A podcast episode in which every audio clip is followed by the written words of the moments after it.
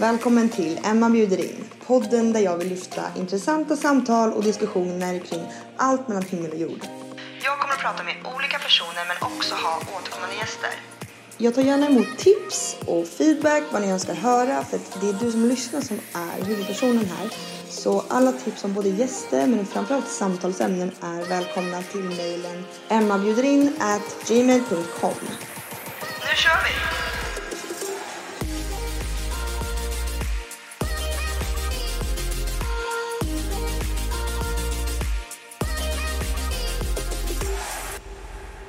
Hallå allihopa! Hallå! Alltså jag har precis blivit tränad av Anton och jag är liksom så jävla trött i huvudet. Så nu ska vi sätta oss här och podda. Välkommen hit! Tack så mycket! Hur, eh, hur mår du tänkte jag säga? Jag mår ju bra för jag har inte, jag har inte ens tränat, jag har ju bara tränat dig. Alltså jag är helt jävla slut. Fy fan, vi, kör, vi började att köra, det kommer komma på Youtube, men, eller det finns redan på Youtube. Men vi började att köra lårcurl och så värmde vi upp ett set. Och... Du värmde upp tre set tror jag först faktiskt. Ja men det var typ lite halvdant kändes det som.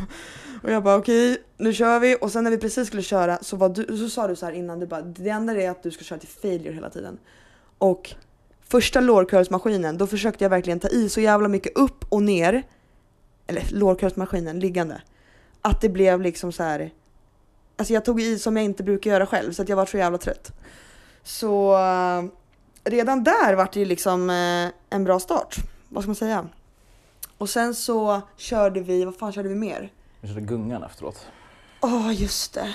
Gungan med gummiband och du var väldigt arg som PT skulle jag säga. Men det var ju det. Jag bara, snälla kan vi inte bara ta bort det? Men du, alltså, liksom så här, du, vi ska lägga på vikten och så frågar dig vad du brukar köra. Och så säger du att du brukar ha, liksom, men jag brukar ha två stycken 25 och två 15 kilos totalt. Liksom, mm. Och 80 kilo. Och inga gummiband. Liksom. Och så brukar jag göra sex repetitioner. Och så sätter du dig i gungan och så värmer du upp först och så ser det ju jättelätt ut. Och så lägger vi på lite mer vikt och sen är vi uppe så att vi har fyra stycken 25 på varje sida. Nej, det hade vi inte. Nej, inte på varje sida men totalt. Fyra, fyra 25 ah, totalt. Okay, okay, ah. eh, och eh, så gör du väl 7-8 repetitioner där och sen helt plötsligt bara slutar du. Så, men, men det är jobbigt. jo men det, det ska ju gå till failure liksom. Ah, så, så alltså... du fick ju sätta dig igen och du gjorde ju typ sex repetitioner till sen. Så att det, det var ju inte jobbigt egentligen. Ja, men alltså, där vart jag så jävla chockad för att jag vart så chockad att när jag slutade då var jag ju verkligen trött och att du då säger nej, sätt dig ner och fortsätt. då fick jag typ en chock. Jag bara, driver du? Okej, visst. Ja, det var fan fett jobbigt. Det var sjukt jobbigt idag. Du trodde liksom att jag skulle lyssna på när du tror att du är till failure? Nej men jag trodde du såg på mig att hon är skittrött nu, bra hon behöver vila. Du såg inte ens trött ut. Jo, det var jag. nej. Det var skitkul. Men det, det, är så intressant för att alltså, det är så här med typ alla som jag har tränat med, eller om jag ska träna någon på det sättet också, det att när en person anser att den är trött så ser jag att det finns så sjukt mycket mer att ta ut och det är för att jag själv tar mig till den här längre nivån. Jag vet liksom hur man faktiskt på riktigt ser ut när man är där. Ja men jag vet och jag vet också det. Men alltså det är så här, man är en person när man blir tränad och man är en person, eller jag i alla fall, eh, när jag tränar andra. Och jag kan, alltså jag vet inte, det är någon roll som jag skulle behöva plocka bort. Där jag blir så här Emma fem år och vill verkligen bara tycka synd om sig själv. Du drog verkligen på dig offerkoftan. Ja men jag alltså. vet! Och det är, liksom, det är en obehaglig personlighetsdel av mig. När det, jag blir det är tränad. intressant och det, som du säger liksom att man blir en annan. Jag är, nog så här, jag är nog faktiskt min egen PT när jag tränar för att jag blir förbannad på mig själv om jag inte tar ut mig fullt ut. Precis, och så här, jag, alltså, jag blev ju inte arg på dig. Jo, alltså, på det var du. du var fan arg. Jag, jag kanske lät säga, arg. Och jag råkade säga idiot. du sa idiot ganska många gånger. Nej, okej okay då. Men eh, men alltså, jag, jag, tror att jag är så som person att jag blir min egen PT när jag tränar och då kommer jag liksom, jag blir ju så att jag typ hatar mig själv mm. när jag tränar mm. för att jag tar ut mig till den nivån jag gör.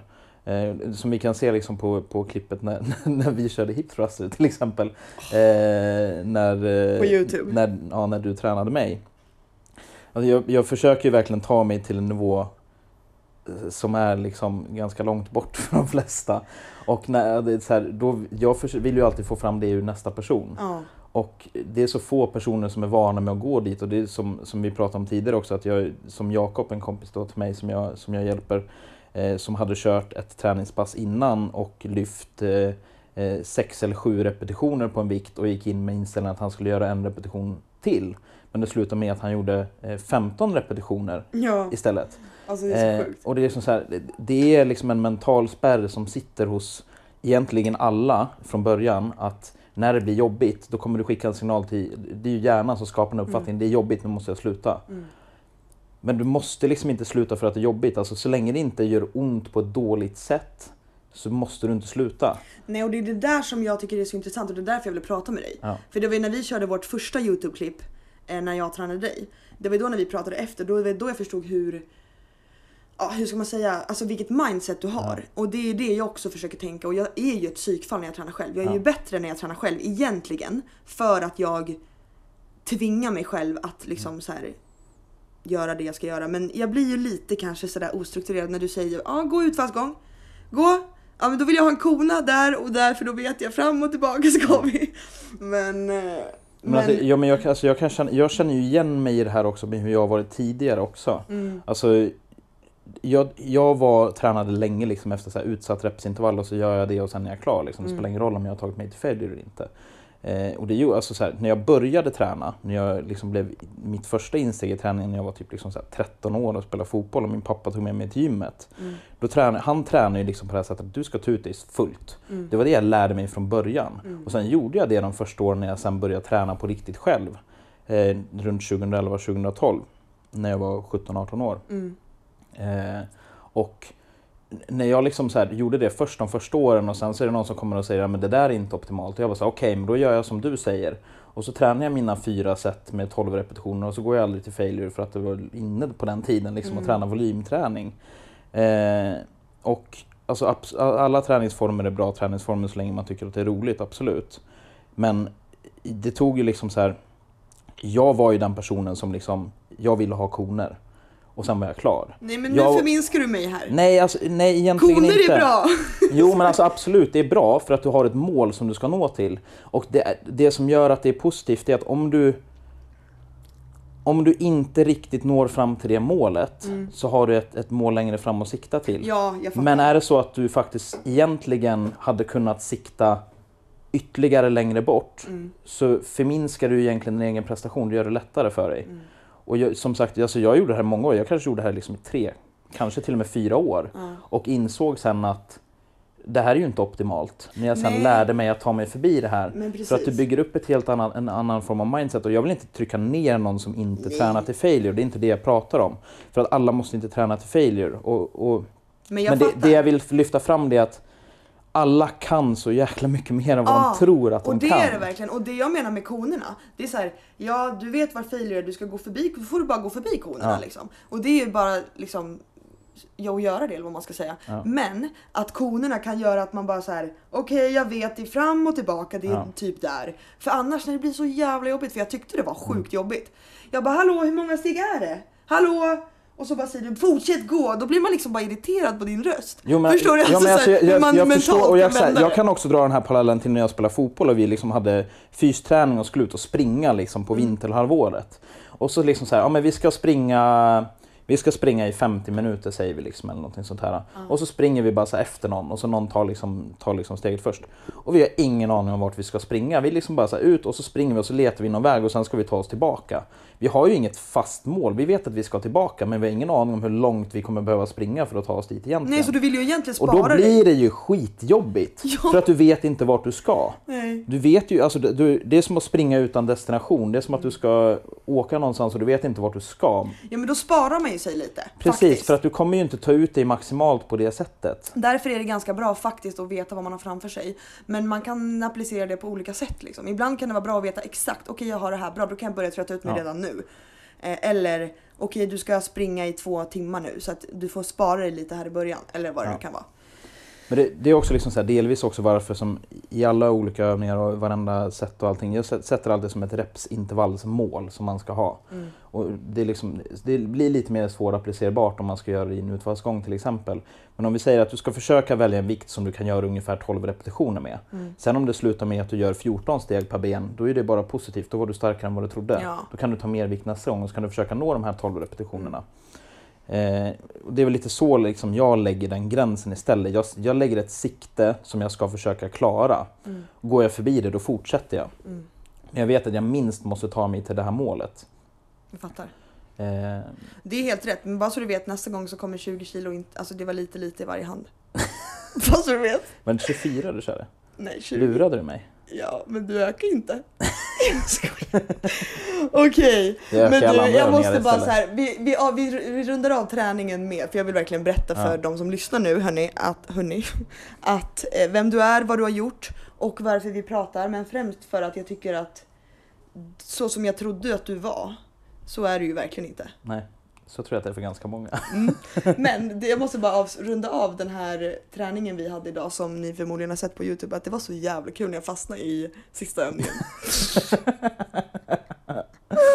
Ja, det. Alltså ni som har sett det, inte har sett det, gå in, gå in och titta på det. Som bara ser mig hur du hänger där och fladdrar som en vante liksom. Jag skulle alltså göra en, man kan tänka en liggande lår curl fast i en eh, GHD-maskin säger jag. glute, glute ham race. Ja, det är en annan, ja. Eh, och jag liksom kunde inte utföra rörelsen och du bara ja, jag tycker det ser lite konstigt ut liksom. Du ska liksom böja knäleden. Jag bara men jag försöker, det går liksom inte. Och jag bara åkte upp och ner. Så hör jag så här hur det är tyst i typ åtta sekunder från både dig och Gibbe som filmade där. Jag bara Alltså hörni, jag tror liksom att jag inte orkar det. Alltså, jag tror inte att jag orkar göra rätt för att jag är så trött. Och så började jag bara asgarva. Det var så jävla kul i alla fall. Eh, det var lätt roligast idag. Det var ju fan haft askul. Men det var ju lite intressant. Vi sa ju innan passet också, nu ska jag bara flika in en sista grej. Vi sa ju innan passet så sa du liksom så här, men målet är ju att bli trött. Liksom så här. Jag sa att jag kommer inte låta dig eh, ge upp förrän vi är klara. Liksom. Mm. Och så sa du, men kommer vi korta ner passet om jag inte orkar mer? Och då sa jag liksom så här, men så länge du kan utföra övningen med en lägre vikt så kommer vi fortsätta. Just det, det nu var det här, det, så här nu, det går ju liksom inte att lägga på mindre vikt än vi fick liksom köra framsida. Så vi fick ju byta övning helt enkelt. Fy fan jag känner mig dum då. Åh, men du. Eh, vi kan ta en reklampaus. Nu. Ska jag bara få andas lite.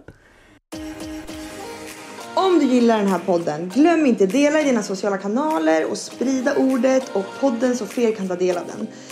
Jag samlar ihop frågor också till en frågepodd. Så om du har någon fråga eller någonting, döp ämne frågepodd och ställ frågan i mejlet till emmabjuderin@gmail.com. Okej, hörru du. Då börjar vi så här då. Jag skulle vilja veta vad din uppfattning var om mig innan du kom till gymmet Uppsala och jag körde ett PT-pass med dig. Alltså, Jag visste inte vem du var. Jag menar inte att du ska veta det men du hade väl lite koll eftersom du skulle träffa mig. Jo men jag- då visste jag ju vem det var. Då hade Ja, det var ju det jag liksom- menade. men Då. Då visste jag det. Ja. In- Innan visste jag inte det. Nej men det, det är väl lite kul för att jag tror, vi hade typ så här hälsat på varandra en eller två gånger innan det liksom, när jag Ja. hade varit i gymmet Uppsala och så. Ja, Men vad var din uppfattning då liksom? När du satt i bilen och då tänkte du så här, okej nu kommer han komma in, kommer han gå på händer eller vad tänkte du? Men jag tycker alltså så här. Jag såg väl dig som en typisk PT liksom. Så. Mm. Du kommer göra, det kommer vara något så banalt upplägg som absolut inte passar mig liksom. Ja. Och det var väl lite så det var kanske också. Mm. Eh, men alltså så här, uppfattningen egentligen, jag, jag tänkte väl att nu kommer vi göra någonting som är helt annorlunda mot min träning. Jag vet att du delvis tränar väldigt annorlunda mot min träning. Det är Mm. liksom mer så funktionalitet, mobilitet, rörelse, kanske lite mera... Typ det du behöver alltså? Ja, kanske lite Ja. egentligen. Ja. Men alltså egentligen så här, någonting som egentligen inte återspeglar mitt mål med träningen men som ändå egentligen kanske hade gett mig någonting positivt. Ja. Och därför tyckte jag också att det skulle vara sjukt roligt att göra det. Mm. Eh, Och jag, jag gillar utmaningar, jag, det, är liksom- jag är en tävlingsmänniska, utmaningar är kul liksom. Göra någonting nytt är alltid roligt. Mm. Eh, Det var faktiskt jättekul att du klev in med så här open-minded. Jag, menar, alltså, jag hade kunnat gå in och sagt det här tänker inte jag göra, det här är inte så Men som jag undrar vad din Men uppfattning om mig person, var. Liksom. Jo men alltså min uppfattning, jag, jag tänkte så här att du kommer vara den här klassiska PT, du kommer lägga upp någonting som kommer vara helt annorlunda på mig och sen kommer du håna mig lite för att jag inte kan göra det. Typ, för, Ja, att, för att jag är bodybuilder. Liksom, så. Okej, okej. Eh, och sen så här, så här, jag, kom, jag, jag tänkte så här, nu kommer jag få köra typ så här 50 set ben och så kommer inte jag kunna gå på tre veckor. Eh, det krävdes inte 50 set ben för att jag inte skulle kunna gå på tre veckor. Men, men eh, alltså min uppfattning av dig var väl att ja, men jag, alltså jag har ändå liksom så sett någon video med, på Youtube liksom tidigare och du är så här, prat, pratglad, öppen liksom så. Så att jag visste alltså så här, du, jag visste att det skulle ändå vara rätt lätt att prata med dig så också. Ja, jag fattar. Eh, så att jag var liksom inte nervös egentligen så för det mötet. Jag tyckte bara det skulle vara kul, liksom, Mm. göra någonting annorlunda, någonting Mm. nytt. Men, som sagt, Men det är alltid tror- kul ja. att, att, att träffa, eller så här, förlåt att jag avbryter, men det är alltid kul för att jag har ju min uppfattning om dig som Ja. inte stämde överens med vad jag trodde. så det var därför jag tänkte om du tänkte så här, nej fast hon kommer vara uppe i taket hela tiden. Hon kommer vara, alltså förstår du? För jag kan tro att jag kan upplevas ibland på sociala medier att jag bara är stissig och hetsig. Men alltså jag, jag kan nog ärligt säga så här, jag, eh, jag kanske trodde att du inte var lika kunnig som du är. Oh yes! Oh yes! Och det är liksom inte så här för att, att jag liksom på något sätt vill nedvärdera dig eller nedvärdera någon annan PT i branschen på det sättet. Men eh, ja, alltså det är kanske så man kan se på det också. Mm. Men jag är lite av den uppfattningen att de flesta personerna i det här landet eh, kanske inte kan lika mycket som de utger sig för att kunna. Nej.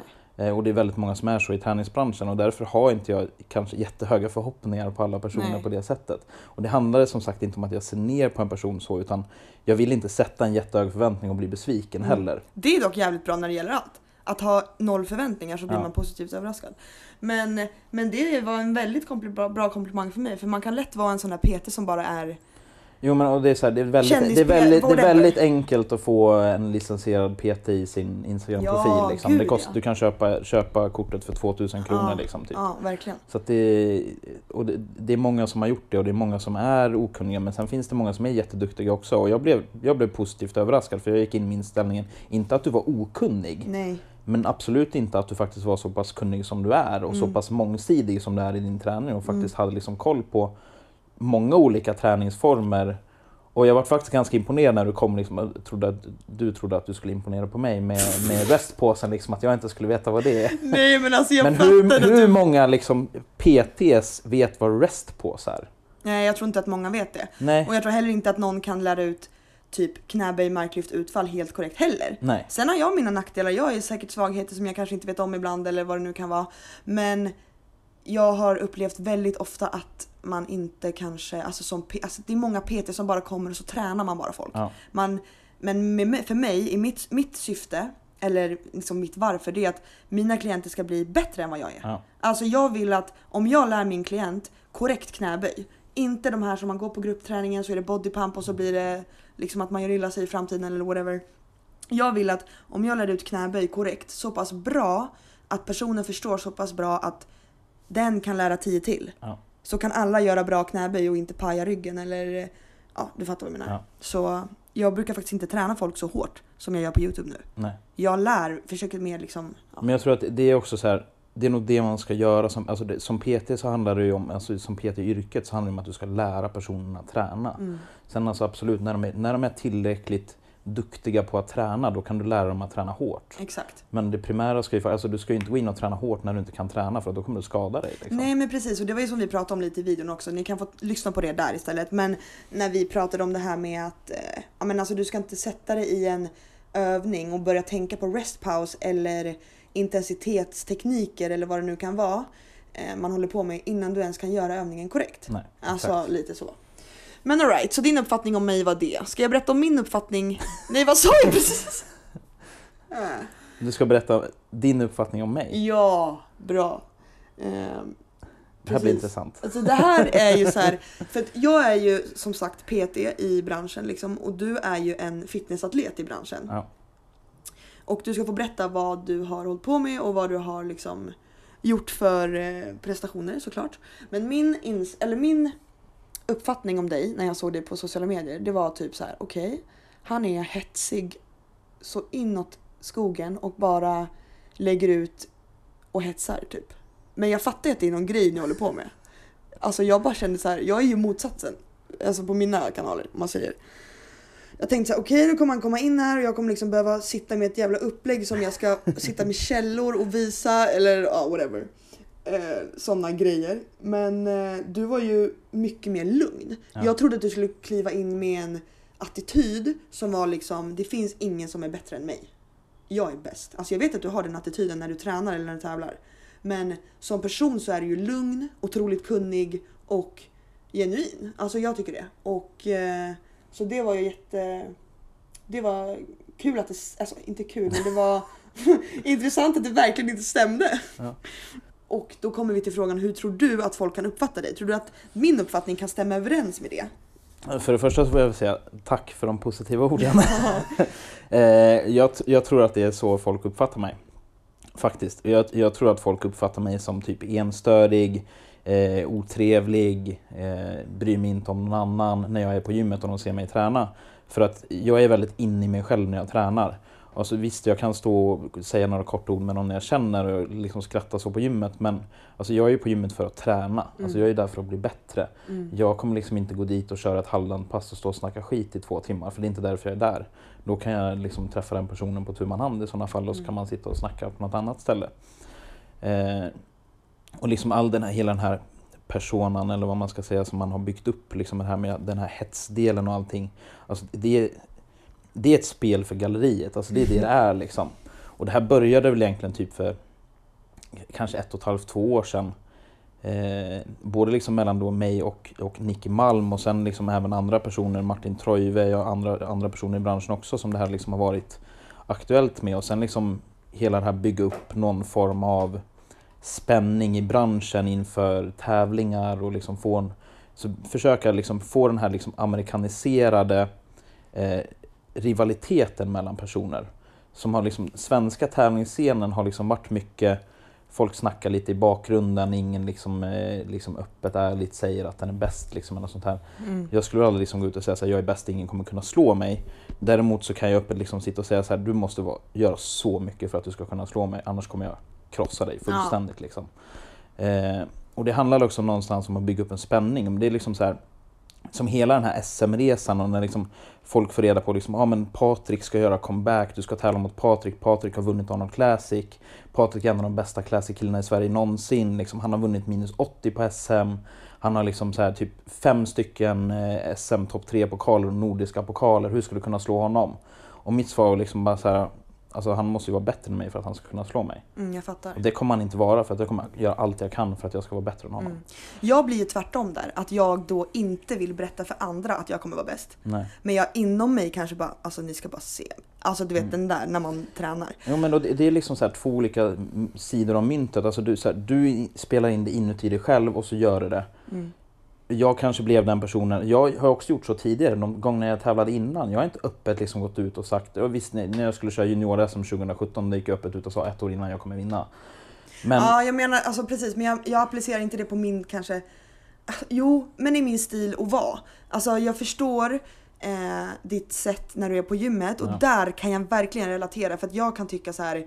Alltså ibland måste jag nästan gå in i någon, något mode där Ja. för att jag ska kunna orka det här för att det kommer vara så jobbigt.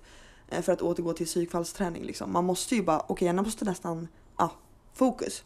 Eh, och hänga kan man göra på utsidan liksom. Ja. Men eh, den här hetsen på, i tävlingsbranschen eller så här, spänningen, jag kan verkligen förstå den.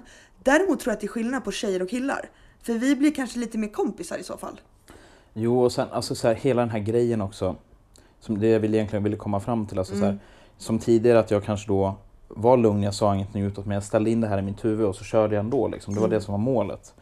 Det är ju inte så att jag, jag... Jag går ju inte ut och säger de här sakerna för att ge mig själv motivation. För att motivationen har jag redan inom mig. Det är ingenting som jag måste bygga upp på det sättet. Däremot när jag går ut och säger de här sakerna så sätter jag en annan form av press på mig själv också. För att då vet jag att jag, jag måste prestera nu. Mm. Jag kan, inte, jag kan inte säga de här sakerna och så gå in och säga halvdan. Nej. Utan jag sätter ännu större press på mig själv. Och jag, jag växer av den pressen när jag går på en diet. För att jag vet att jag kommer få ut så mycket mer av mig själv då. Men vad fan händer när du, om du förlorar då? Ja, men det, det, kan vi ta som exempel nu. Jag vann ju inte SM, jag kom ju två, jag förlorade mot Patrik. Mm. Och alltså, det, det är också en sån här sak, alltså, vi kunde, jag hade så här, nu är jag och Patrik ganska bra vänner egentligen också. Vi, vi känner varandra och har gjort det sedan 2016. Eh, och vi hade väl aldrig, liksom, vi hade aldrig någon arg diskussion mellan varandra. Men båda två la ju öppet ut och sa liksom att vi kommer krossa varandra. Liksom. Ja. Det var ju liksom den grejen och sen så satt vi aldrig liksom bara så här, du kommer få stryk av mig, liksom, jag kommer vinna över dig. Mm. Däremot så kunde vi säga upp i den kanalen, bara, så här, men jag kommer slå honom, liksom. Mm. det är inga problem. Eh, men vi satt, liksom, vi satt på McDonalds kvällen innan, eh, innan SM och käkade burgare tillsammans. Liksom. Ja, jag fattar. Och sen satt så, så här, vi gick backstage och sen var det liksom så här, visst det var lite tugg emellan men det var liksom inget så här argt eller aggressivt så liksom. Och sen så står han där och så vinner han över mig. Det liksom, det finns, de skrev en artikel i sista, sista numret av Body liksom, som kom Mm. ut liksom, om att Eh, att det var fint att se liksom, att Anton glädjes åt Patriks seger lika mycket som Patrik. Ja, men jag gick fram och kramade Patrik Ja. liksom, och, och klappade honom om ryggen. Och jag, jag unnade honom den vinsten. Men det betyder inte att jag var besviken att jag kom tvåa. Det var jag, alltså, det, är, så här, det är förmodligen liksom Du den tuff- skiljer på det. Jo, alltså, jag skiljer på det för att liksom så här, förmodligen så var det den tuffaste förlusten för mig sen jag började tävla. För att jag trodde verkligen innerst inne tills de ropade ut att Patrik vann, att jag skulle slå honom. Mm. I mitt huvud så var jag fullständigt inställd på det. Mm. Men jag kan acceptera den förlusten, jag kan acceptera att han vann över mig. Mm. Jag har inga problem att acceptera en förlust. Jag är liksom, ah, okej, han var bättre än mig nu, han vann. Mm. Det är fine liksom. Jag kan gratulera honom till det. Sen kan jag gå hem och så kan jag vara skitbesviken för att jag kom tvåa när jag hade siktat på att komma etta. Ja, jag tycker att det är väldigt intressant skillnaden på tävla, alltså tävlingsinstinkten som jag upplever er killar då har jämfört med tjejer. Alltså jag tycker inte att det är samma kan man säga rivalitet eller så här, kan man ta det lätt på det och inte ta illa upp personligen Ja. utan att man liksom man går in för att det är en glöd och det är liksom det är fight. Eh, då kan jag förstå det och jag vet inte om det är också för att ni står och spänner er på det sättet som en liten gorillafamilj där. Ser ju väldigt roligt ut om man tittar eh, jämfört med tjejer. Alltså det blir en annan typ av Ja. gren liksom. Jag vet inte om det har med det att göra. Alltså jag, jag, tror att, jag tror att det är väldigt... Jag tror att det är väldigt raka motsatsen egentligen när tjejer tävlar. Ja det var det. Det är ja. liksom den här att alla är vänner innan, alla ska krama varandra, alla står backstage och är bästa vänner. Liksom så här, eller att alla liksom, Men sen är det mycket skitsnack kanske istället. Men sen är det istället, så fort man inte är på tävlingen då snackar alla skit om varandra och så hatar alla varandra i bakgrunden. Jag tror att det är väldigt mycket så just, och ja, nu ska, jag ska inte hänga ut någon, absolut inte. Men det är den uppfattningen som jag har fått liksom, av branschen genom alla personer jag känner egentligen. Det kan Ja. vara mycket av det. Liksom, så. Det kan Ja, men- vara mycket så. det, Medan vi liksom, killar kanske snarare öppet säger någonting men vi är de som liksom ändå sitter och snackar sen och hänger och har liksom inga problem med att umgås med varandra. Trots att vi har sagt de här sakerna innan. För att det, vi säger det liksom av en vänskaplig rivalitet. men jag tycker att det är, förlåt fortsätt. Eh, men också som ett exempel, ja, men visst som Patrik som ett exempel också men de två första tävlingarna jag gjorde så kom jag eh, på tredje plats och så på andra plats respektive. Och båda de här gångerna så vann en kille som heter Douglas Köhler. Eh, och Douglas var min motivation inför den här andra tävlingen som var ett junior-SM 2016. Och hela, det, hela den dieten så var det liksom så här, jag ska slå Douglas, jag ska slå Douglas, jag ska vara bättre än honom, liksom, allt sånt här. Men det är samma sak där, alltså jag och Douglas har en vänskapsrelation. Alltså vi har ju liksom stått och snackat otaliga timmar Ja, liksom, jag- när vi har mötts så. Liksom, och det, är så här, det är en vänskaplig rivalitet. Man kan säga öppet att jag kommer slå den här personen. Men det handlar egentligen bara om att skapa ett starkare mindset för själva tävlingen. Men egentligen så är vi vänner. Liksom. Men jag fattar och jag förstår, eller det jag tänker när du pratar det är egentligen att så här, jag tror att man skulle kunna applicera det här beteendet man och kvinna typ i alla sporter nästan. Alltså, Mm. eller i skolan, det är ju tjejerna som snackar skit, killarna de slåss och sen så är de klara. Alltså lite den, Ja. förstår du vad jag tänker? Ehm, men, och jag vet inte om det, det är en helt annan diskussion om empati och kvinnan, kvinnans bla bla bla, inte vet jag. Man vill inte göra någon, man vill vara alla till lags eller vad det nu kan vara. Men jag tycker att det är lite skönt att man bara säger, säger vad man tycker i alla fall. Ja. Men jag tycker inte det är skönt att vara elak på Instagram. Men, Jag är, här, jag är aldrig elak Nej, med, med, med elakt uppsåt om jag ska säga så. Jag försöker ju aldrig heller vara elak. Jag kan vara, jag kan vara rak och ärlig och jag kan säga någonting hårt men jag kommer ju aldrig liksom trycka ner någon annan. nej. Men ärlighet är faktiskt eh, jävligt bra. Ja. Oavsett vad, och säga direkt. Men jag, men jag vet ju också att det inte är så att du är hetsig. Alla är ju hetsiga. När ni Jo, håller på. Jo men då det är liksom så här, jag la ut ett inlägg efter SM där jag skrev liksom att jag är så här. Jag är jättenöjd med min prestation men jag är sjukt besviken på min placering. Men jag vill inte ta någonting ifrån Patrik. Han, han förtjänade att vinna och jag gratulerar honom öppet och ärligt. Och folk tar det som att jag liksom bara så här, "Ö, han tycker att han skulle ha vunnit, han tycker att han skulle ha slagit honom. Liksom bara så här, jag personligen kanske, kanske tyckte att jag var bättre. Men jag skulle aldrig liksom gå ut och säga att jag inte unnar honom segern. Nej men det är domarna Domarna dömer. tyckte att han var bättre, domarna dömer. Det är liksom så här. Tycker de att han är bättre, fine, ge honom segern. Ja men såklart. Jag accepterar det liksom. Mm. Nej men eh, det är sjukt intressant skillnaden där också. Eh, Men det jag skulle vilja innan vi fortsätter det är ju faktiskt att gå igenom hur din tävlingskarriär har sett ut. Mm. Och När var då din första tävling? Eh, första gången jag tävlade var på Lucia-pokalen 2015. Gren? Eh, Classic bodybuilding för juniorer. Du gick in direkt med classic bodybuilding Ja, alltså? självklart. Okej. Eh, jag skulle egentligen tävla året innan. På sommaren på Tammenpokalen. Men jag hoppade av min diet när det var sju veckor kvar tror jag det var. Var det muffins eller var det godis eller vad var det som gjorde att du hoppade av? En ryggskada. Åh nej! Men du, då får jag bara säga en side-note. Du måste sluta med dina marklyft. Det var, in, det var inte ett marklyft. Okej, Eh, okej. Eh, det var en ryggskada. Mm. Eh, och eh, det är så sjukt komiskt hur det här uppstod. Alltså, jag kan säga så här, jag har aldrig... Eller jo, jag har skadat mig en gång på gymmet har jag gjort. Det var faktiskt på den senaste dieten. Var det marklyften? Nej, det var en stående lårcurl. Okej, okej. Eh, jag eh, var eh, och hälsade på mina föräldrar. Jag hade precis flyttat hemifrån och hälsade på mina föräldrar. Och eh, jag, det var på sommaren, dörren stod, ytterdörren stod öppen och jag skulle liksom bara så här lägga upp handen ovanpå och hänga mot dörren och lyckas på något sätt eh, få en muskelbristning i eh, typ teres minor Oj, eller, jävlar. eller lats eller vad det nu var. Eh, och eh, där började det väl och det här var ju kanske typ så här fem sex veckor innan jag hoppade av dieten. Eh, så att då kunde jag inte träna överkropp egentligen alls överhuvudtaget för jag kunde inte stabilisera skulderbladen så jag kunde inte köra några, några bröstövningar. Det, det jag kunde göra var typ sidolyft. Mm. Det var typ allt jag kunde göra för överkroppen. Eh, och sen så lyckades jag bli eh, sjuk Mm. och var sjuk i tre veckor och låg sängliggandes i typ en och en halv av de veckorna. Och sen när jag kom tillbaka och började träna igen eh, så började jag få lite problem med, med mina höfter. Av att jag förmodligen var en ganska stel gammal fotbollsspelare som hade kört väldigt mycket knäböj. Mm. Eh, och inte, Jag skött min, och inte skött min stretching och rörlighet. Eh, så att det slutade med att jag typ inte kunde träna överkropp förutom typ axlar och lite armar. Och eh, sen typ inte kunde lägga på någon belastning när jag tränade ben Åh. för att jag fick ont i mina höfter vad jag än gjorde. Mm. Och sen hade jag varit sjuk så jag hade förlorat tre veckor av dieten. Jag hade förmodligen fortfarande hunnit i form. Men jag kände liksom, kan jag inte träna som jag ska göra, varför ska jag tävla? Liksom? Ja, jag kommer bara förlora massa muskler. Så Lucia-pokalen Classic Bodybuilding, det var Ja, första ett, tävlingen? ett och ett halvt år senare då mot vad jag tänkte var första tävlingen. Och den gjorde jag helt på egen hand, ingen coach eller någonting. Och jag kom på tredje plats och det är den absolut värsta dieten jag gjort i mitt liv. Jag har aldrig plågat mig själv så mycket. Eh, Vad var det värsta? Alltså jag är... Jag sätter jättehöga krav på mig själv som person i allt Mm. jag gör. Liksom Mm. Allt jag tar mig an. Om det handlar om jobbet, om, alltså om det handlar om en tävlingsdiet och allt egentligen. Eh, så att... Eh, och, och jag är jätteduktig på att, att vara elak mot mig själv. Mm. Så att jag gjorde väl så här, någonstans när det var typ så åtta veckor kvar eller någonting så kollade jag liksom på vågen och bara okej nu väger jag så här mycket, jag kollar på min form, jag bara men nu måste jag, nu måste jag dieta hårdare. Mm. Och då tyckte jag att det var en jättebra idé liksom för mig som kille som vägde typ 80 kilo att eh, äta typ 1400 kalorier och köra en och en halv timme cardio om dagen i Oh åtta my veckor.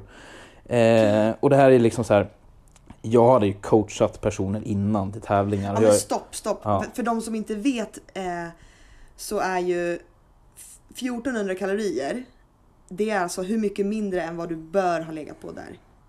Alltså, jag hade nog, om vi säger så här, när jag dietade året efteråt så gick jag aldrig under 2200 kalorier. Ja, det var det jag ville komma till. Ja. Eh, och jag körde inte en och en halv timme cardio Nej, heller. precis. Och en och en halv timme cardio, det är i princip typ så här 1000 kalorier Ja, beroende på liksom. vilken Ja. intensitet eller vad du Så kör. att, eh, så att jag tyckte ju att det var en jättebra idé och det var ju inte alls en jättebra idé för då mår man inte speciellt bra. Framförallt inte när man ska försöka sköta heltidsstudier samtidigt också.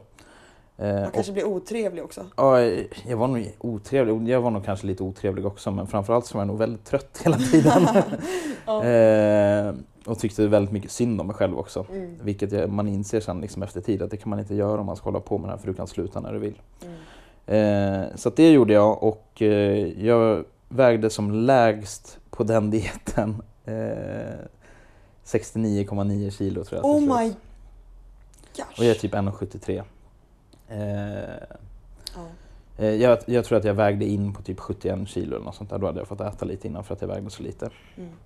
Eh, Så det var den värsta dieten du har gjort? Ja, det är den absolut värsta dieten jag har gjort för jag mådde så sjukt dåligt. Både av att jag satte den här pressen på mig själv att jag skulle vara så bra. Och jag hade jättemånga vänner som jag liksom, jag, jag satte liksom målade upp den här bilden med att jag ska vara bäst första gången jag tävlar. Mm. Och det trodde jag att alla andra trodde också att jag skulle vara liksom. Så att eh, sen liksom det gick helt okej. Eh, jag var inte alls nöjd med min form i slutet. Eh, jag var mycket bättre typ en vecka innan tävling och det var för att jag inte visste vad jag höll på med på slutet för att jag trodde att man ska göra allting så extremt som möjligt. Jag Eh, tänkte vi ska gå in på det bara så här kort sen också, tömning och laddning. och det är också så här, det jag kan ta fram som jag sa innan, alltså så här, jag hade hjälpt andra att tävla innan det här Ja. och, och sköta liksom dieter och, och sista veckan inför en tävling också. Och eh, för ingen av de här personerna så gjorde jag något så här, sånt här extremt. Och alla de här personerna var i väldigt mycket bättre form än vad jag var i. Mm.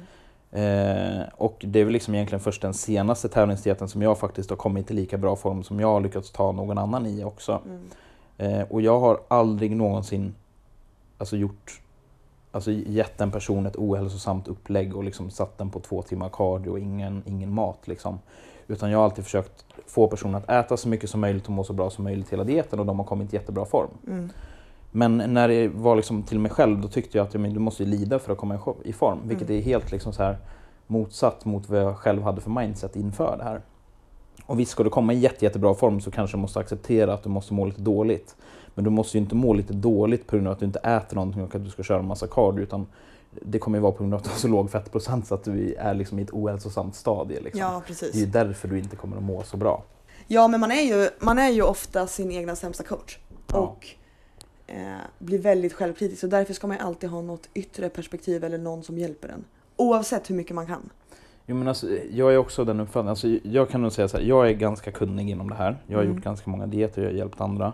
Jag skulle förmodligen kunna dieta själv och sköta min egen kost och min egen träning och allt sånt här genom min kunskap. Men jag skulle aldrig ta de bästa besluten för mig själv i det läget. Speciellt inte kanske när man är tömd, trött. Nej, för att du tänker också på ett helt annat sätt när du liksom inte när du inte är där mentalt på det sättet. Mm. Du får ju ett annat perspektiv på saker och ting om du ska ta besluten själva. Jag tycker det är extremt mycket lättare att bara lyssna på någon annan och bara säga men gör så här. Och bara, "Men okej, då gör jag det. Mm. Det blir bra liksom. Men det ska Tänk- mycket till när man har den kunskapen att lita på någon annan också. Jo men det är så här att jag litar blint och fullständigt på min coach. Mm. Och det är det som jag tycker är det absolut viktigaste om man faktiskt ska ha hjälp av någon. Och det, det är så här att ska du ha hjälp av en coach så ska du lyssna på personen. Ja. Och liksom sitta och så diskutera och motargumentera och, och inte lyssna och göra andra saker. Varför ska du ens ta hjälp av den personen i första början? ja. Ta hjälp av någon annan eller gör det själv. Liksom. Mm. För om du inte, ändå inte tänker lyssna så kommer du ändå inte få det resultatet som den personen liksom har ämmat för dig. Nej, gud nej. Så att eh, det är liksom så här, det är ju punkt egentligen A och O i om du ska ha en coach. Det är att du måste lita på personen och verkligen tro på det den, det den säger. Ja. Eh, men eh, det- är så här, första dieten som jag gjorde, det är den absolut värsta dieten jag gjort i mitt liv. Och eh, jag hoppas att jag aldrig behöver göra det igen. Hur stod ditt liv till då? Var du liksom singel? Var du ihop med Elinor? Hur var liksom livet? Jag var singel. Mm. Eh, det här var som 2015, det är fem år sedan. Jag pluggade på Naprapathögskolan.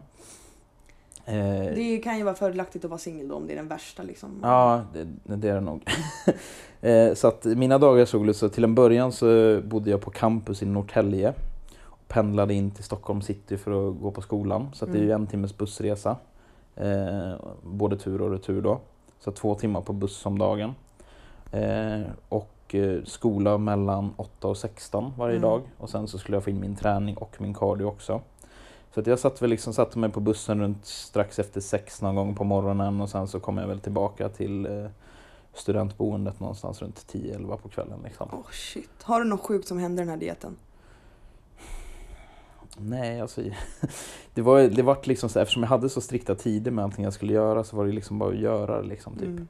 Alltså, det, här, det, här också, det, här, det här är den enda dieten som jag någonsin har eh, cheatat på verkligen och brutit mot min kost. Okej. Eh, och det här var väl när det var, det hade väl gått typ så här två veckor efter att jag hade gjort den här sänkningen och jag hade varit på skolan hela dagen och eh, eh, skulle åka och träna. Och jag mådde så sjukt dåligt, jag var så sjukt trött, så sjukt sliten. Jag tror jag hade sovit dåligt säkert också. Eh, hade väl haft föreläsning typ fyra timmar i sträck på någonting som jag kanske inte ens tyckte var intressant. Vilket gör att jag mådde ännu sämre, ont i huvudet och allt liksom sånt här. Eh, och och eh, jag försökte på något sätt liksom rättfärdiga det här så jag skrev ett sms till min pappa liksom, och så här, jag mår så jävla dåligt. så här, men tycker synd om mig själv. Liksom, och så här. Och så här, för er som inte vet det, vilket förmodligen är typ allihopa är, så tävlade min pappa förut. Eh, och du tyckte där, så synd om dig så jag tyckte så synd om mig själv så jag skickade liksom ett sms till honom för att försöka rättfärdiga att jag skulle få äta någonting. Typ. Det var Ja. det det handlade om. Eh, och det slutade med att jag går in på Pressbyrån eller vad det var liksom, och köpte typ så här två muffins och någonting. Typ.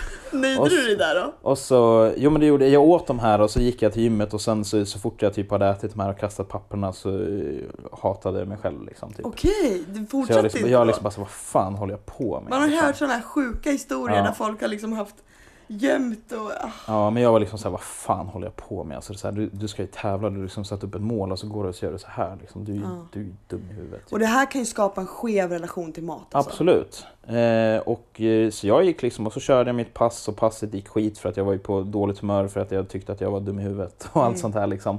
Och visst, alltså, i vissa fall kanske man lyckas få ut någonting mer när man får den här mentala liksom, ilskan i sig själv. Men jag vart liksom, jag vart ju nere av det här och sen körde jag min cardio och så tyckte jag synd om mig själv. Mm. Men jag tyckte så liksom, samtidigt som jag tyckte synd om mig själv så hatade jag mig själv för att jag hade liksom brutit mot min diet och allting. Men jag tycker ändå det var starkt av dig att gå till gymmet. Jag kan tycka så här, alltså gemene människa som Ja. man kan träna eller prata med som jag kanske hjälper med kost eller vad det nu kan vara. Eh, Det är ofta så här, och det finns ju till och med såna här memes eller vad det heter på Instagram Ja. du vet. Eh, Du äter bra, sen äter du dåligt och när du äter dåligt då skiter du i gymmet, du skiter i det Ja. och så åker du och köper extra mat eller så bla bla bla. Liksom. Att, men du var ändå på gymmet och nöjde dig med de där två muffinsen. Eller finns det något mer? Nej, jag, jag tror faktiskt inte att jag, jag köpte någonting mer än någonting efter det faktiskt. Jag, det var väl de två muffinsen och om det var någonting mer, jag kommer inte ihåg. Det är Ja. sjukt länge sedan. Ja. Men jag, jag, jag är rätt säker på att jag inte köpte någonting efteråt och jag fortsatte inte äta liksom, eller något, utan jag var tillbaka på min diet efter det. Men eh, alltså summa summarum, alltså, för det första så skulle jag aldrig ha gjort liksom, den här sänkningen så att jag mådde så här dåligt för jag hade aldrig liksom, hamnat i den här situationen från första början och Nej. allt liksom, som det var. Eh, och det här tog jag med mig när jag dietade igen året efter och eh, vi kan säga, men jag, jag kom på tredje plats när jag tävlade den här första gången. Eh, vi var väl typ 12 som tävlade eller någonting. Mm. Eh, Jag var absolut inte störst, jag var absolut inte i bäst form. Jag placerade mig förmodligen på att jag hade helt okej linjer och kunde posera ganska bra. Liksom. Eh, och det var liksom så här det jag försökte ta med mig. Liksom, så här, men jag, så här, jag har en bra grundfysik, jag behöver mer muskler. Liksom, det var typ det jag skulle ta med mig. Liksom, För de som år. inte vet vad det innebär så kanske det är, alltså till exempel, du bedöms på din posering Ja. eh, och om du är i form, Ja. hårdheten och symmetrin. Vad är det mer? Jo men alltså det är så här, alltså, storlek, symmetri, form Mm. och hur du liksom kan föra dig på scenen. Mm. Liksom. Så, och det är någonting Och inte nödvändigtvis i den ordningen men kanske alla Nej, tillsammans. så om man liksom, inte liksom är med på hur bodybuilding går till Ja. eller fitness eller vad det nu kan vara så är det ofta svårare att posera än vad det är att träna. Absolut. Alltså typ, Ja, men ser man till maj- på. majoriteten av personerna så är de ju förmodligen bättre på att träna än vad de är på att visa Ja, sin fysik. Liksom. exakt. Eh, men så jag försökte liksom ta med mig det här och så här, tanken var egentligen inte att jag skulle tävla året efter alls utan jag skulle väl ta jag skulle ta liksom hela det året off och sen skulle jag tävla igen 2017. Mm. Men någonstans här liksom så byggdes det här inom mig att liksom så här, jag gjorde det här på fel sätt. Liksom. Mm, du ville göra det igen. Så jag ville, liksom, jag ville göra det här bättre. Och jag gjorde den dieten till en början helt själv. Jag berättade inte för någon att jag skulle tävla. Det var ingen som visste det. Eh, jag var lite velig själv om jag faktiskt skulle göra det. Men jag började dieten när det var typ så här 16-17 veckor kvar till SM. Mm. Och var väl liksom öppen liksom så här, men jag sommardietar. Liksom. Jag dietar för att komma i lite bättre form. För jag gick upp lite för mycket vikt tyckte jag. För att det gjorde jag. Jag reboundade ganska hårt efter Mm. den här äh, tävlings, tävlingsdieten. Jag gick upp typ 10 kilo på två veckor och de gick jag inte ner förrän jag började dieta igen. Liksom. Eh, jag var den här personen som hade köpt på sig typ så här sex lådor bars liksom, som jag satt och mulade i mig fyra stycken om dagen. Åh fy efteråt, fan, hur liksom. mådde din mage? Inte så jättebra för jag var ju van att äta typ liksom torsk och broccoli och Ja. ris och lite havregryn och sen Mm. helt plötsligt så åt jag typ allt annat förutom det. Därför är det så jävla viktigt också efter tävling, det skulle man kunna ta ett helt avsnitt om, Ja. att eh, Nej men alltså magen. Mm. Hälsa. Det är ju så, alltså, du, har ju, du har ju en enzymprofil som byggs upp när du äter någonting, alltså Mm. samma sak över tid. När du sen börjar äta någonting annat som kräver en annan enzymprofil för att det ska brytas ner så kommer det liksom skapa problem med magen. Ja men alltså det var som när jag tävlade. Första Ja. gången jag åt, jag tror det var efter min andra tävling så spydde jag på natten. Ja. Alltså jag vaknade och var tvungen att gå upp och spy på grund Ja. av att jag hade fått upp, jag hade inte tillräckligt med enzymer i magsäcken för att ta hand om den höga kaloriintaget Nej. men också fett och liksom omätt, alltså det var Ja. kalabalik. Det är så, det är så här, det är också en sån alltså jag har ätit jättemycket efter de senaste tävlingarna också. Men någonstans måste man också inse att liksom, du, du behöver inte äta tills du spyr för att Nej. mat finns kvar. Liksom. Nej men alltså precis, men jag spydde ju nog för att min mage inte pallade. Nej, Alltså den var, det var så den var inte van. Men det är ju jättevanligt att folk liksom har köpt på sig alltså 14 kilo godis, 10 kladdkakor och bakat liksom med 47 muffins och tagit med och sitter och trycker i sig det själv. Det första de gör när de går av scenen. och spyr liksom. direkt då. Ja, så äter Okej. de så mycket så att de liksom verkligen blir, magen blir så Ja. utstående och så måste du spy för att de mår så dåligt. Eller att Mm. det faktiskt blir att de typ måste spy för att de mår så dåligt så att Ja, de liksom sätter fingrarna i halsen. Liksom. Mm. Ja, shit. Men eh, eh, Ja, Ja. men så skulle du, du var, Ja. då hade du kvar, eh, du hade 10 kilo, du började dieta Ja, så 16 jag började dieta när 16 eller 17 veckor kvar. Liksom så här. Och eh, när det var typ... Jag tror att jag bestämde mig för att tävla när det var åtta veckor kvar. Då hade, jag hade precis varit i Spanien i typ en och en halv vecka. Mm. Eh, mina föräldrar hyrde en, eh, en lägenhet där och jag skulle egentligen inte åka. Men jag bestämde mig typ, liksom, men fan jag åker dit. Jag hade haft det lite så här halvjobbigt privat då innan. Mm. Det. och, eh, men jag åker dit och liksom tar det lite lugnt och så sköter jag liksom, fortsätter sköta dieten. Det kan vara skönt att ha lite värme och sol. Liksom så. så jag gjorde det och sen kom jag tillbaka hem och så liksom så här, okej formen är ändå rätt bra nu. Liksom. Och då, det jag kan säga så här, vid, den här, vid den här laget och den här dieten när det var liksom åtta veckor kvar då åt jag typ 2800 kalorier Ja. och körde typ 30 minuter cardio. Mm. För att jag liksom bestämde mig för att nu ska det här inte vara på ett så ohälsosamt sätt så att jag mår dåligt. Liksom. Hur ser du på att liksom kliva in med cardio det första man gör? För jag upplever att det även kan vara väldigt många kunniga personer som kan ibland bara så här. hur mycket cardio ska man börja med? Jag tycker att eh, du ska spela dina kort rätt. Ja. Spela så få kort som möjligt i början så Mm. att du har mer att spela i slutet. Mer, fler S i rockar men i slutet. Ja, det är liksom så här, spara, spara på alla, alla liksom extra saker du kan göra så långt som möjligt. Mm. Det är verkligen, det är verkligen bero, det beror på. Det är verkligen beroende på hur ens kropp svarar. Så man kan aldrig säga börja med 20 minuter om dagen. För det Nej. spelar ingen roll om liksom, ja. Så det, det är liksom, sen finns det jättemånga aspekter som jag också tog in i det här som jag också har fått utveckla senare. Men när, så här, åtta veckor kvar och någonstans där liksom, ja, men okej, men jag, jag kör liksom. Eh, I samband med det här ett par veckor senare så vart jag introducerad för en eh, kille som var väldigt välkänd i branschen på den här tiden som heter Kim Lindman. Mm. Eh, han tränade som, eller var PT på Delta Gym då vid den här tiden och vi vart introducerade av en gemensam vän, Kalle Lundqvist och sen skrev jag liksom på måfå egentligen Kim coachade flera av Sveriges absolut bästa atleter på den här tiden och hade typ ingen, som, ingen mindre atlet liksom så. Mm.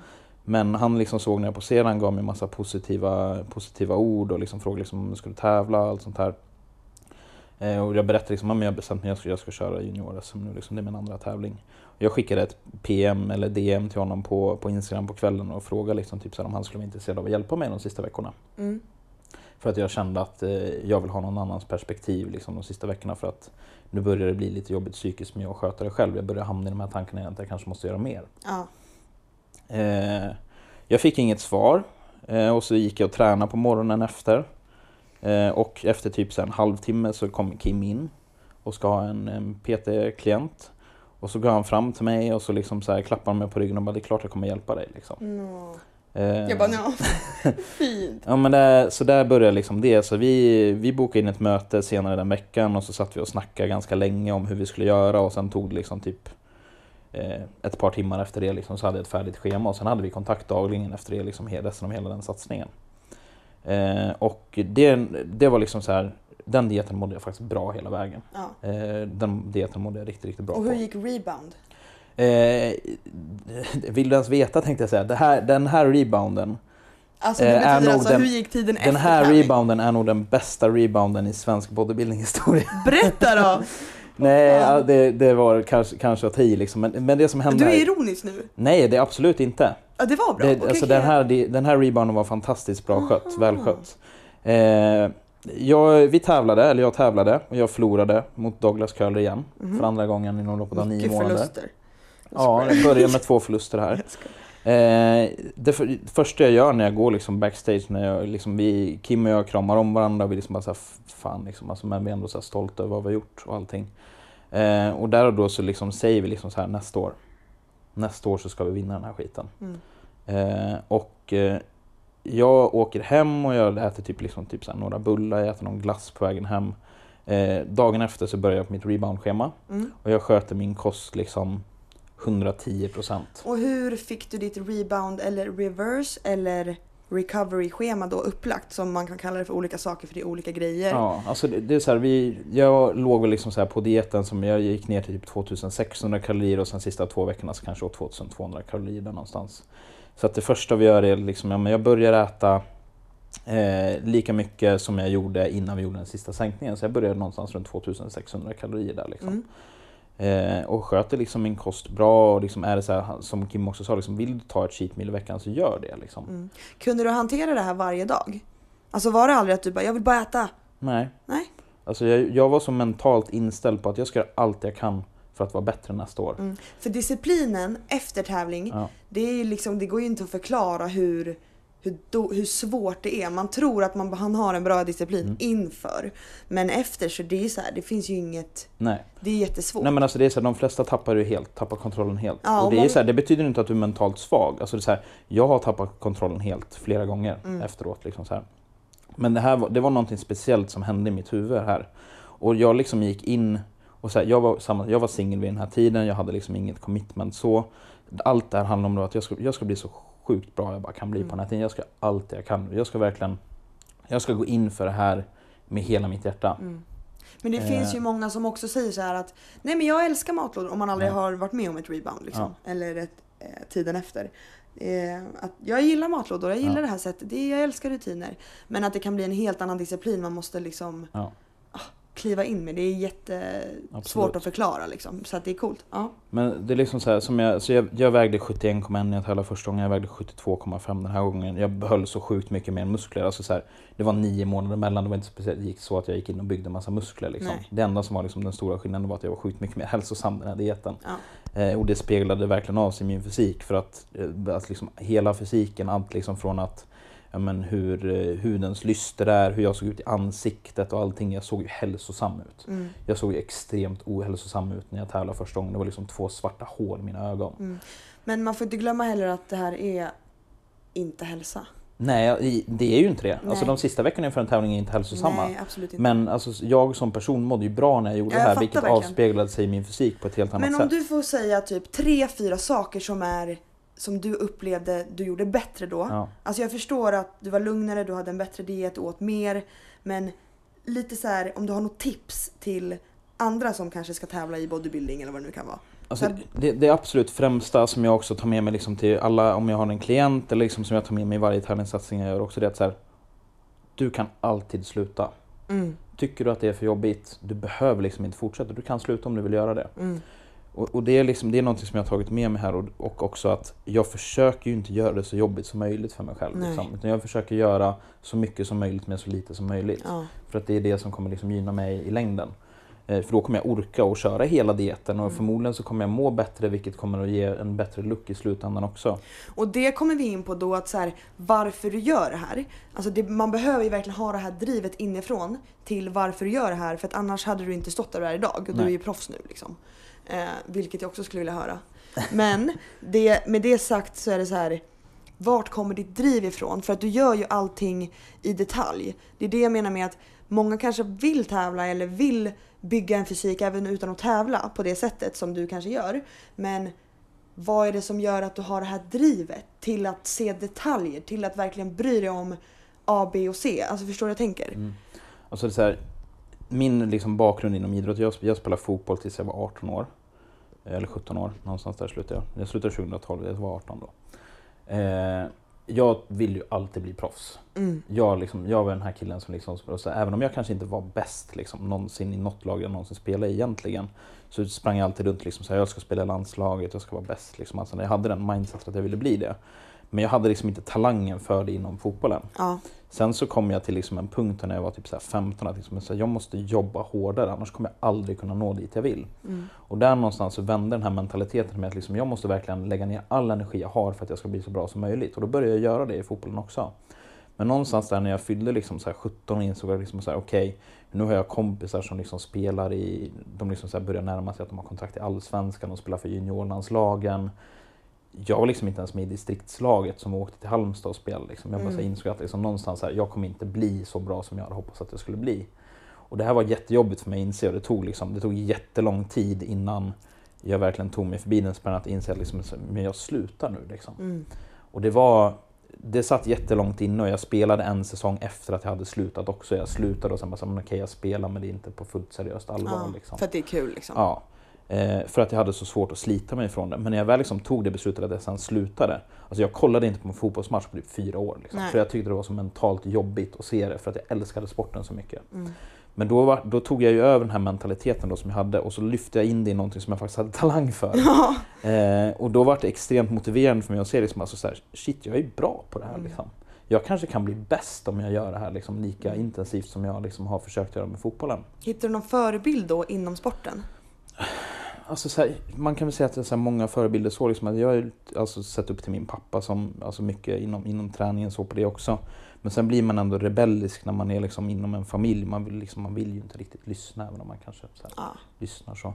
Så att jag har väl inte haft någon egentlig förebild på det sättet. Inte ens någon typ på Instagram eller Youtube eller någon Men alltså jag kan tycka i... att någon, jag, kan ha, så här, jag kan ha fysiska förebilder alltså, som jag tycker har snygga fysiker. Ja. Men mindsetet, liksom så här, visst alltså jag kan tycka att men den personen har ett jättestarkt mindset men jag har aldrig tagit det på det sättet att och se personer så utan jag har alltid drivits av liksom min egen vilja att bli bra på det och sen Mm. liksom att se att liksom så här, men jag får bekräftelse för att jag är duktig på det. Alltså alla män, vi människor vi drivs av bekräftelse. ja, gud ja. Står jag där liksom och någon bara så här, shit alltså, du kan bli bra på det här, då kommer jag liksom, oh, fan, jag kan Ja. bli bra liksom. Det är Och jätteviktigt. jag tog åt mig det jättemycket här i början. Och det- jag tror att det byggde liksom någon form av ett, ett självförtroende och en vilja och en gnista att liksom jag kan ta det här ganska långt. Liksom jag kan bli skitduktig på det här om jag Ja. verkligen vill göra det. Och det är det som har drivit mig egentligen hela tiden när jag har tävlat. Och sen liksom så här, jag har aldrig placerat mig dåligt. Jag sa någon gång liksom också så här när, när jag inför det här junior-SM 2017 sen som jag, som jag vann, Mm. eh, ett år efter det här då. Eh, där sa jag liksom så här, om jag någon gång hamnar i andra call så kommer jag sluta tävla. Mm. Bara för att det skulle vara så mentalt jobbigt för mig. Liksom. Jag har aldrig hamnat i den situationen att jag har hamnat där. Men kan du om- inte sakna liksom att, att vara en person utan att alltid behöva prestera? Alltså förstår Jo, du? det, Tänk det, dig är så här, det vill jag liksom också, det kan jag ta upp nu på en gång. Liksom efter den här tävlingssatsningen 2017 när jag vann mitt junior-SM-guld. Jag kom fyra som senior. I i seniorklassen när jag fortfarande var junior också. Ja. Så gick jag in i en period som var jättejobbig för mig för att jag hade inget mål längre med min träning. Mm. Jag satte upp ett mål när jag började, trä, började träna 2012 när jag var på min första tävling. Jag ska vinna junior-SM. Ja. Eh, Då har du gjort det?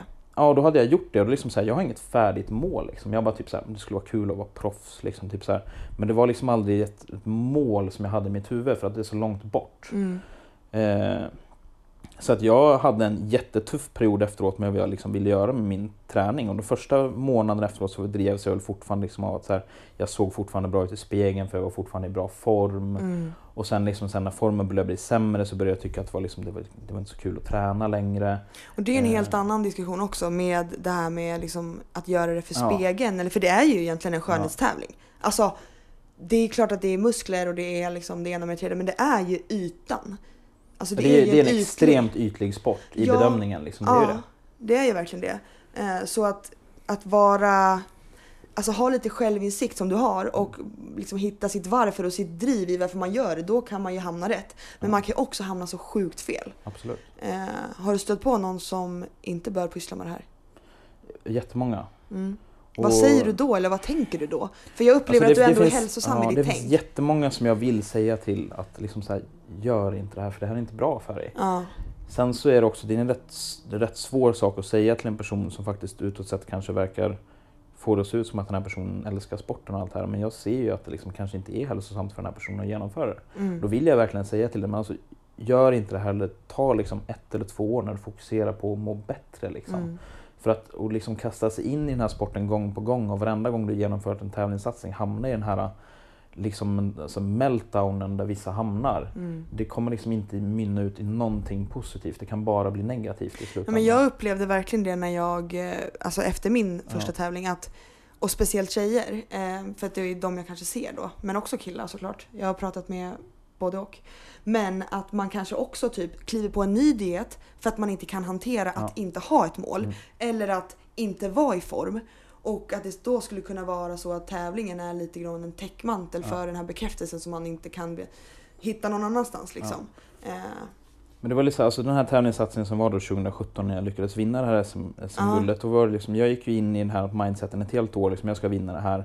Det var väldigt 100% fokuserat allt på liksom, träning och tävling och allting. Jag träffade Elinor i den här vävna, väv, vevan också.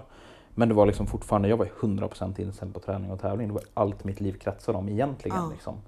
Eh, det var ganska tufft. Det var en ganska tuff diet också. Eh, det var lite tufft mellan oss också för att jag var så pass fokuserad på det. Mm. Men... Eh, ja, för det blir ju egoistisk sport fast Jo, ändå. jag var väldigt egoistisk och det kan jag se i efterhand att liksom jag skulle hantera saker annorlunda, absolut, det borde jag ha gjort. Mm. Eh, och jag har tagit med mig mycket från det här sen i efterhand också. Men det, det var ju lite också där att efter att jag hade varit så extremt fokuserad hela det här året, egentligen flera år innan också, men framförallt det här året. Det var ju därför jag hamnade i den här situationen sen, liksom, jag har nått mitt mål, vad ska jag göra nu? Mm. Och det vart väldigt tomt.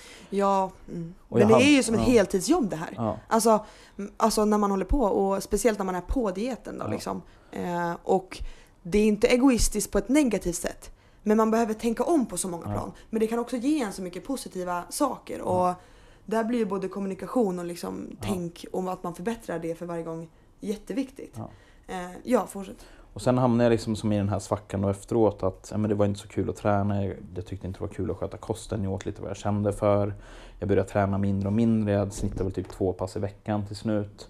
Och det liksom, jag gick in och tränade utan plan. Så att, och det tycker jag inte ens är roligt. Så jag Nej. vet inte ens varför jag gjorde det. Och det var många gånger, Elinor blev gravid i den här vevan och eh, jag var liksom hamnade och det tycker jag kanske att man ska göra också. Man är ju liksom medmänniska, man är ju medgravid eller vad man ska säga. Ja. Och då så liksom så här, om hon kunde skriva till mig liksom, jag har haft en jättetuff dag och då sket jag att träna efter jobbet och så åkte jag hem och var med henne istället. Ja. Liksom. Ja. Eh, och det var det var väldigt bra för mig att göra det här tror jag också för att jag släppte det ganska mycket. Mm. Men sen, Distans, så, liksom. ja, men sen liksom efter ett tag liksom när det hade pågått så här, en längre period och det hade liksom gått ett månad och jag tyckte inte det var kul att träna och allt sånt här så insåg jag att liksom, alltså jag mår inte så bra när jag inte tränar och får ha, liksom, fokusera på på att ha liksom någon att träna för hälsa. För jag tränar inte ens för hälsan skulle Jag tränar inte ens för att jag tyckte det var kul. Jag tränar för att jag alltid har tränat. Liksom. Mm. Så jag behövde någonstans sätta in det. Liksom, så här, men jag visste, jag visste att jag ville tävla igen. Eh, så att jag bestämde mig liksom så här, men alltså, nu måste du faktiskt skärpa dig. Mm. Ta liksom tag i din kost. Sköt, kör liksom sex veckor när du faktiskt äter strikt och faktiskt försöker träna typ fyra gånger i veckan. Liksom. Mm. Och så gjorde jag det och där någonstans hittade jag glöden igen. Och sen inför hösten där när så hade jag en kompis som skulle tävla på SM och då fick jag ännu liksom så mer motivation.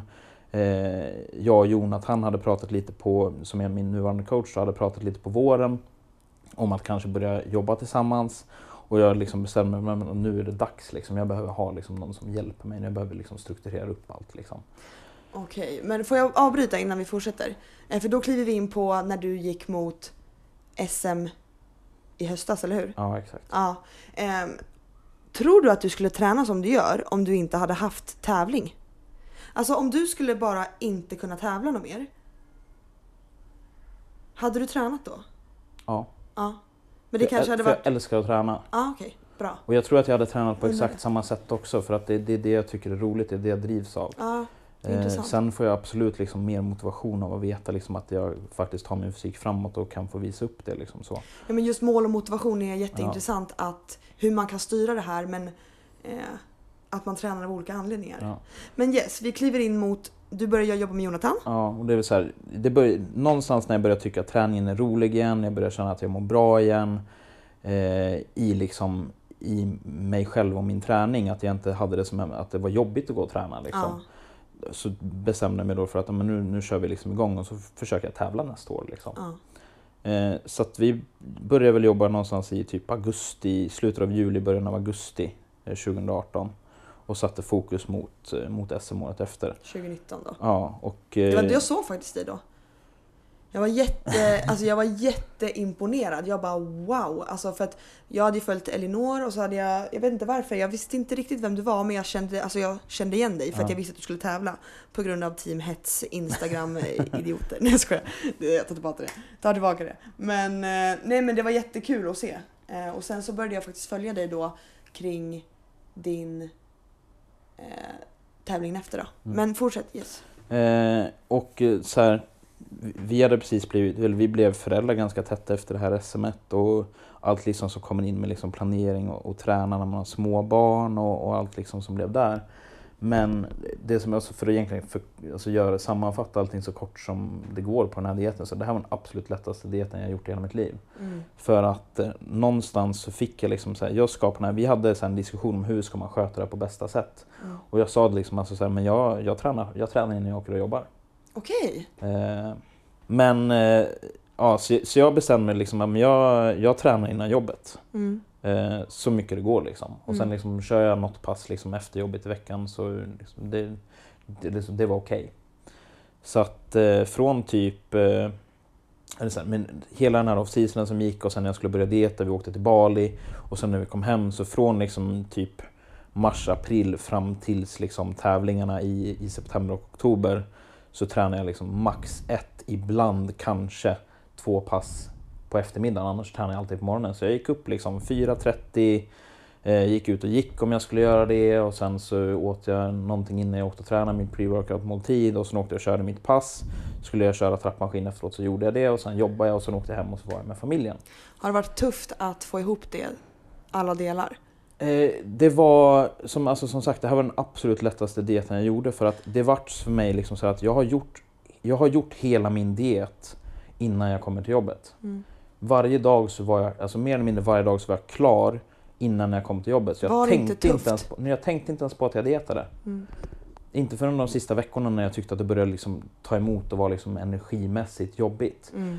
Men alltså, så länge som jag liksom bara gick och verkligen bara gick som en eh, bara rulla liksom på. Som, ja, ja. Liksom, Men alltså då får man inte glömma bort, man får inte glömma bort ditt driv inifrån då för att kliva upp 4.30 för ja. att träna med barn, eh, familj, få ihop allting eh, och med den här otroliga tävlings, alltså din tävlings och prestations, vad ska man säga, eh, del av dig. Alltså det är ju liksom att allt ska vara perfekt. Och det krävs ju ett ett stort arbete. Så att alltså, man får inte glömma bort att det måste verkligen komma inifrån. Att det Nej. måste vara en sjuk vilja liksom. Eh, för det låter som att du bara, ja men jag var klar, det var den bästa dieten. Alltså du får ju inte glömma bort att... Nej men alltså visst, det är en prestation i allting i sig, men det var alltså så här, visst det fanns månader när jag tyckte att det var sjukt jobbigt att gå upp liksom, på ja. morgonen. Och det, det fanns liksom de gångerna liksom så här, men okej jag sover en halvtimme extra och så går jag ut och går på kvällen, eller så går jag hem från jobbet liksom, ja. och så gjorde jag det. Men alltså majoriteten av de här dagarna så gick jag upp och så körde jag min cardio det var liksom inte jobbigt för jag hade mitt mål i sikte. Mm. Och jag får ju vara extremt tacksam till Elinor liksom att hon verkligen tog hand om Alva som hon gjorde på, på nätterna också liksom, när, jag, när jag hade mina jobbdagar. Eh, och liksom så här, visst, alltså jag, jag kanske sov lite sämre men alltså det fanns ju nätter när hon typ inte sov någonting alls. Liksom. Ja. Eh, och lät mig sova. Eh, och det kanske, visst, jag kanske sov fyra timmar någon natt, jag kanske sov en timme någon natt och ibland sov jag åtta timmar. Liksom. Men det kanske var det du menar också från den dåliga dieten oavsett barn eller ej. Alltså att du, eh, att ni måste, man måste kliva in som ett team, ja. verkligen. Alltså så här att eh, till exempel Elinor vet vad som gäller och supportar ja. men att du, alltså man måste ju mötas, det måste vara jättetufft. Ja. Men det är, alltså det är så här också att jag känner många som liksom haft liksom så att de har dietat tillsammans, eller den ena parten har dietat, de har liksom så typ vinkat hej då i dörren på morgonen och liksom hej när de kommer hem och sen så har den ena personen gått och lagt sig för att det är liksom ett jag arbetar över hela dygnet på det sättet. Mm. Och det är därför jag tog liksom det här beslutet att när jag tränar, jag kör liksom på morgonen. Ja. Och så försöker jag ge så mycket tid som jag kan liksom till familjen på eftermiddagen. Eh, och, eh, har du känt dig otillräcklig någon gång? Det var nog många gånger som jag kände mig otillräcklig ja. på den dieten. Absolut. Eh, framförallt liksom, men det är också så här, Elinor sa, och har sagt det också, att alltså egentligen så märkte typ inte jag att du dietade förrän du var typ sex veckor kvar. Okay. Och det var när jag började, liksom, jag började bli trött, jag orkade liksom kanske inte eh, underhålla Alva på samma sätt. Mm. Jag kanske inte var så rolig att prata med på kvällarna för att jag var sliten. Liksom. Mm. Fick du dåligt samvete någon gång då? Eller kände du så här, nej men det är bara den här tiden nu? Nej, alltså, jag, jag hade nog båda delar. Liksom. Jag hade nog många gånger när jag fick dåligt samvete och många gånger blev jag nog kanske liksom, alltså, typ lite så här ledsen att hon tyckte eller kände om hon sa liksom någonting också för att i mitt så här, liksom, jag har gått upp 4.30 och så gjort det här och så har jag jobbat en hel dag. Liksom. Mm. Och det är, så här, det är ju helt fel inställning. Alltså, du kan ju inte bli arg på någon för att du själv inte beter dig på ett bra sätt. Nej, liksom. precis. Jag fattar. Eh, så det är så här, jag hade nog dåligt samvete många gånger och många gånger, hade, eller många gånger, jag hade nog dåligt samvete några gånger och några gånger också för hur jag själv eh, framstod liksom också.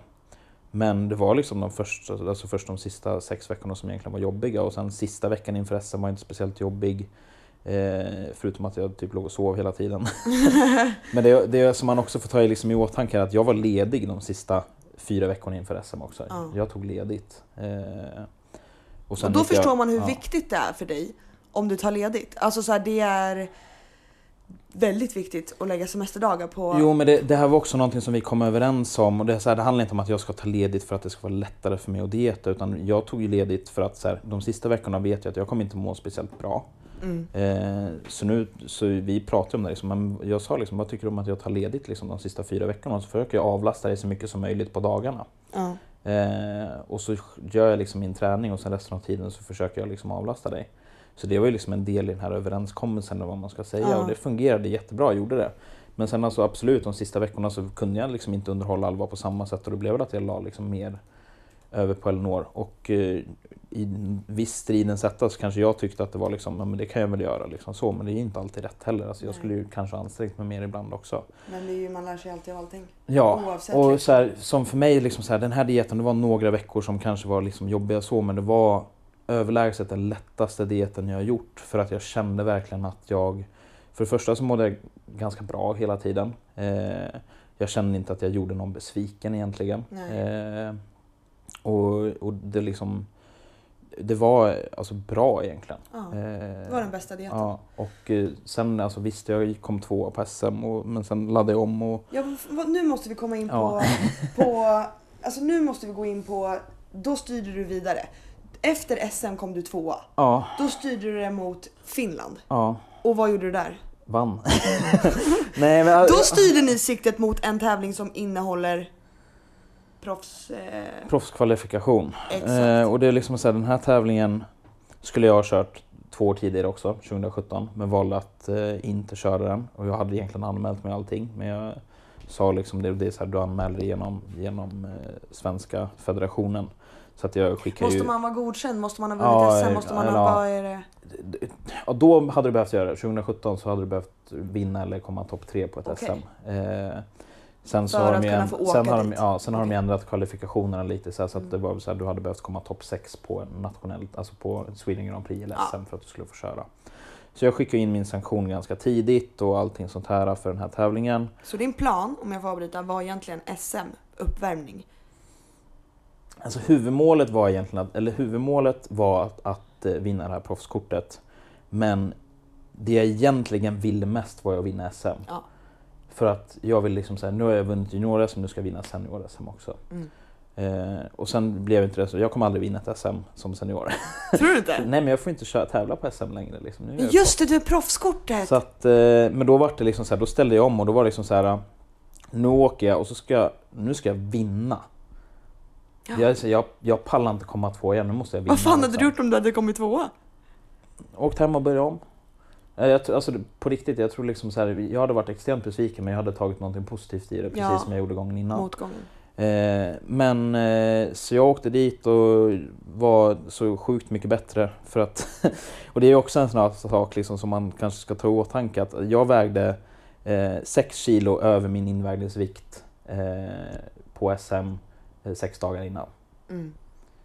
Jag vägde alldeles för mycket för att liksom tävla i den klassen. Det är, så här, det är klart, jag kom ju ner i vikt så det var ju liksom inga problem så. Och hur fan tog du ner i 6 kilo på några dagar? Åt ingenting typ. Och bastade? Nej, det gjorde jag faktiskt inte. Det, det är ju en rolig historia som jag kan dra sen om vi hinner.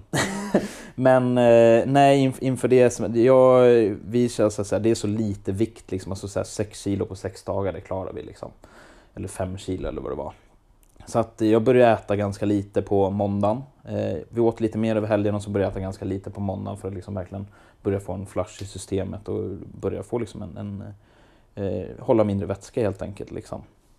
Eh, och mindre eh, mat i magsäcken. Ja, jag fattar. Vet du vad jag tycker? Ni som lyssnar nu, kan ni mejla till emmabjuderin.gmail.com om ni vill att vi ska göra ett avsnitt, jag och Anton, om tömning, laddning, alltså Ja. vad heter det? Hela faderullan. Basta. Eh, för att jag har också några historier att Ja. berätta. Inte några historier, men jag skulle vilja göra det. Ja. Så vi skulle kunna faktiskt göra ett avsnitt där vi pratar tömning, laddning, fitness och bodybuilding, eller hur? Ja, Eh, vi kör på det. Eh, men, ja, men så helt enkelt, jag började äta Du- ganska lite och sen så när det var en dag kvar, eh, eller så jag vaknade upp på tävlingsdagen och så vägde jag två kilo för mycket. Liksom. Så att jag åt ingenting från att jag vaknade på fredagen, tror jag att inregistreringen var. Då var det mikrolax eller? Nej, nej men jag, jag, jag åt ingenting och jag drack ingenting och jag vaknade typ klockan sju på morgonen. Eh, och jag vägde fortfarande som sagt två kilo för mycket och så uppdaterade Jonathan med hur mycket jag vägde varje timme. Eh, och om vi skulle göra någonting liksom, men det var hela tiden liksom så här. Fortsätt äta ingenting, fortsätt äta ingenting, Ja. fortsätt dricka ingenting liksom hela vägen. Eh, och sen så, ställde, så började inregistreringen klockan sju eller vad klockan var liksom. Och eh, jag låg kvar på hotellrummet och jag hade liksom så här vägt mig, jag vägde typ så här 400 gram för mycket. Så jag gick och spottade i handfatet och liksom gjorde allt liksom så här jag kunde för att försöka få ner vikten. Liksom. Och det är så här, Mm. varenda lite gram liksom. Fan. Eh, och jag hade ju med mig min våg dit och så här, du kan ju aldrig vara säker på din egen vågvisar. Men jag, jag ställde mig på vågen när klockan var sju och så bara så här, okej nu väger jag 100 gram för mycket. Mm. Nu går jag ner och så hoppas jag att jag liksom så här, den här vikten försvinner och att den vågen är bättre. Gick det bra då? Ja men det gjorde det. Så att jag vägde in och jag var ju längre än vad jag trodde att jag skulle vara också så att jag hade ju inte behövt stå där så länge heller. Utan jag hade ju typ kunnat få väga 400 gram mer än vad jag gjorde också. Ja. Eh, men så, så då vägde jag in och sen så det som jag skulle komma till med det hela var att när vi sen åkte till Finland då fick jag ju väga eh, fem kilo mer än vad jag vägde på SM. Nej, sex kilo mer än vad jag vägde på SM faktiskt. Så du kunde äta upp dig efter SM och... Ja, jag, jag fick äta vad jag ville efter tävlingen. Eh, dagen efter så var det så lite mer restriktioner, ät typ inte över 3000 kalorier. Liksom, typ så. Ja. Och sen så, så ställde jag mig på vågen på måndag morgon och så vägde jag typ 84 kilo så hade det gått upp 8 kilo. Typ, liksom. eh, och jag hade ju liksom inte ätit jätte, jättemycket heller liksom så här, den dagen innan. Och då kan man ju förstå hur, hur mycket vätska Ja, kan alltså göra. kroppen liksom. är en svamp efteråt. Ah. För jag hade gått ner så pass mycket vikt och tappat så mycket vätska i kroppen. Och det här kan du inte fylla upp och se bra ut. Nej. Alltså det går liksom inte på, Nej. vad hade jag? 12 timmar på mig liksom. Det är omöjligt. Eh, så kroppen var en tvättsvamp och sen så, bara, så fortsatte, gjorde jag två dagars tömning och helt plötsligt vägde jag 79 kilo.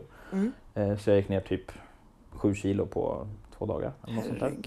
Herregud. Eh, och så skrev jag till Jonathan, liksom, alltså jag känner mig ganska lätt nu, ska vi inte börja ladda redan nu? För jag får ju väga 82 kilo på, på lördag. Liksom. Ah, Så då fick jag ju börja äta på onsdagen. Så att jag åt liksom typ 400 gram kolhydrater på onsdagen och typ 500 på torsdagen. alltså det här var lätt den bästa tävlingen också.